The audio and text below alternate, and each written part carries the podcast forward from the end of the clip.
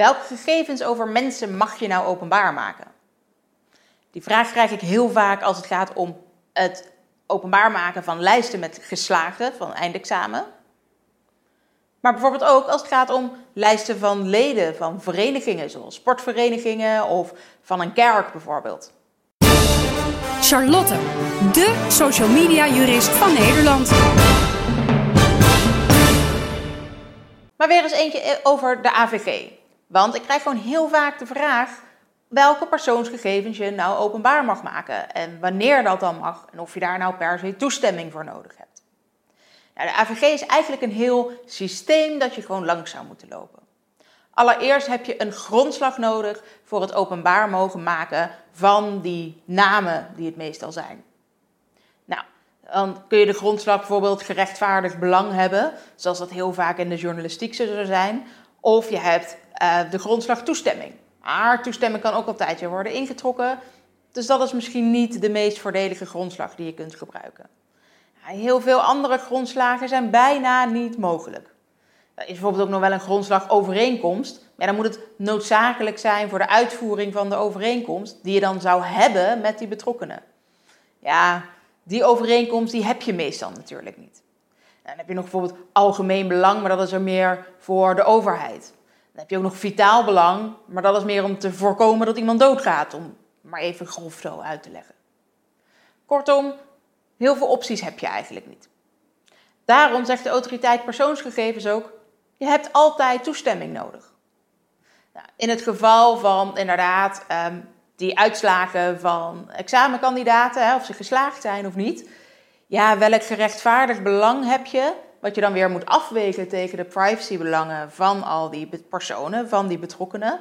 Het is natuurlijk leuk dat een school kan laten zien dat er heel veel mensen geslaagd zijn en wie dat dan allemaal geweest zijn. Maar voor die school is eigenlijk veel belangrijker om te laten zien welk percentage het is. En hoeveel mensen er geslaagd zijn dat jaar. Niet zozeer welke personen dat exact waren. Dus ja, heeft de school dan een gerechtvaardigd belang om in de lokale krant of in de hè, regionale versie van een landelijke krant bijvoorbeeld te laten zien welke personen met voor- en achternaam er allemaal geslaagd zijn? Of dat ze dat bijvoorbeeld op een website laten zien? De betrokkenen heeft daar niks aan, terwijl dat wel echt wat zegt over die betrokkenen. Sterker nog, als je alle namen noemt van iedereen die wel geslaagd is, dan kunnen mensen natuurlijk ook achterhalen wie er dan niet geslaagd zijn.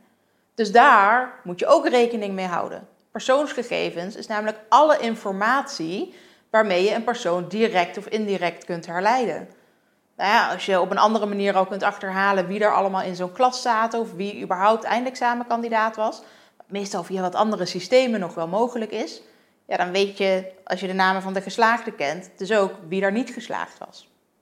Hetzelfde geldt eigenlijk met het openbaar maken van namen van uh, leden van een vereniging. Ja, ik snap dat dat heel leuk kan zijn en heel interessant kan zijn om ook contactgegevens van elkaar te hebben. Maar dat openbaar maken betekent dat ook mensen buiten de vereniging precies weten wie er allemaal lid is. En dat is natuurlijk niet de bedoeling. Dus ook daarvoor, ja, dan is het belang van uh, de vereniging weegt dan eigenlijk niet op tegen dat privacybelang van die betrokkenen.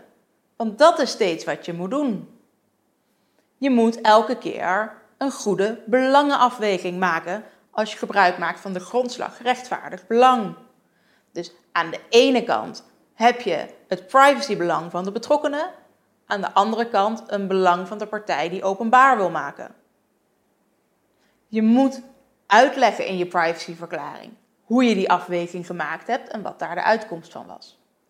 In dus die gevallen als examenuitslagen, uh, lijsten van leden van de vereniging, maar bijvoorbeeld ook een lijst van wie er naar een evenement toe komt als bezoeker.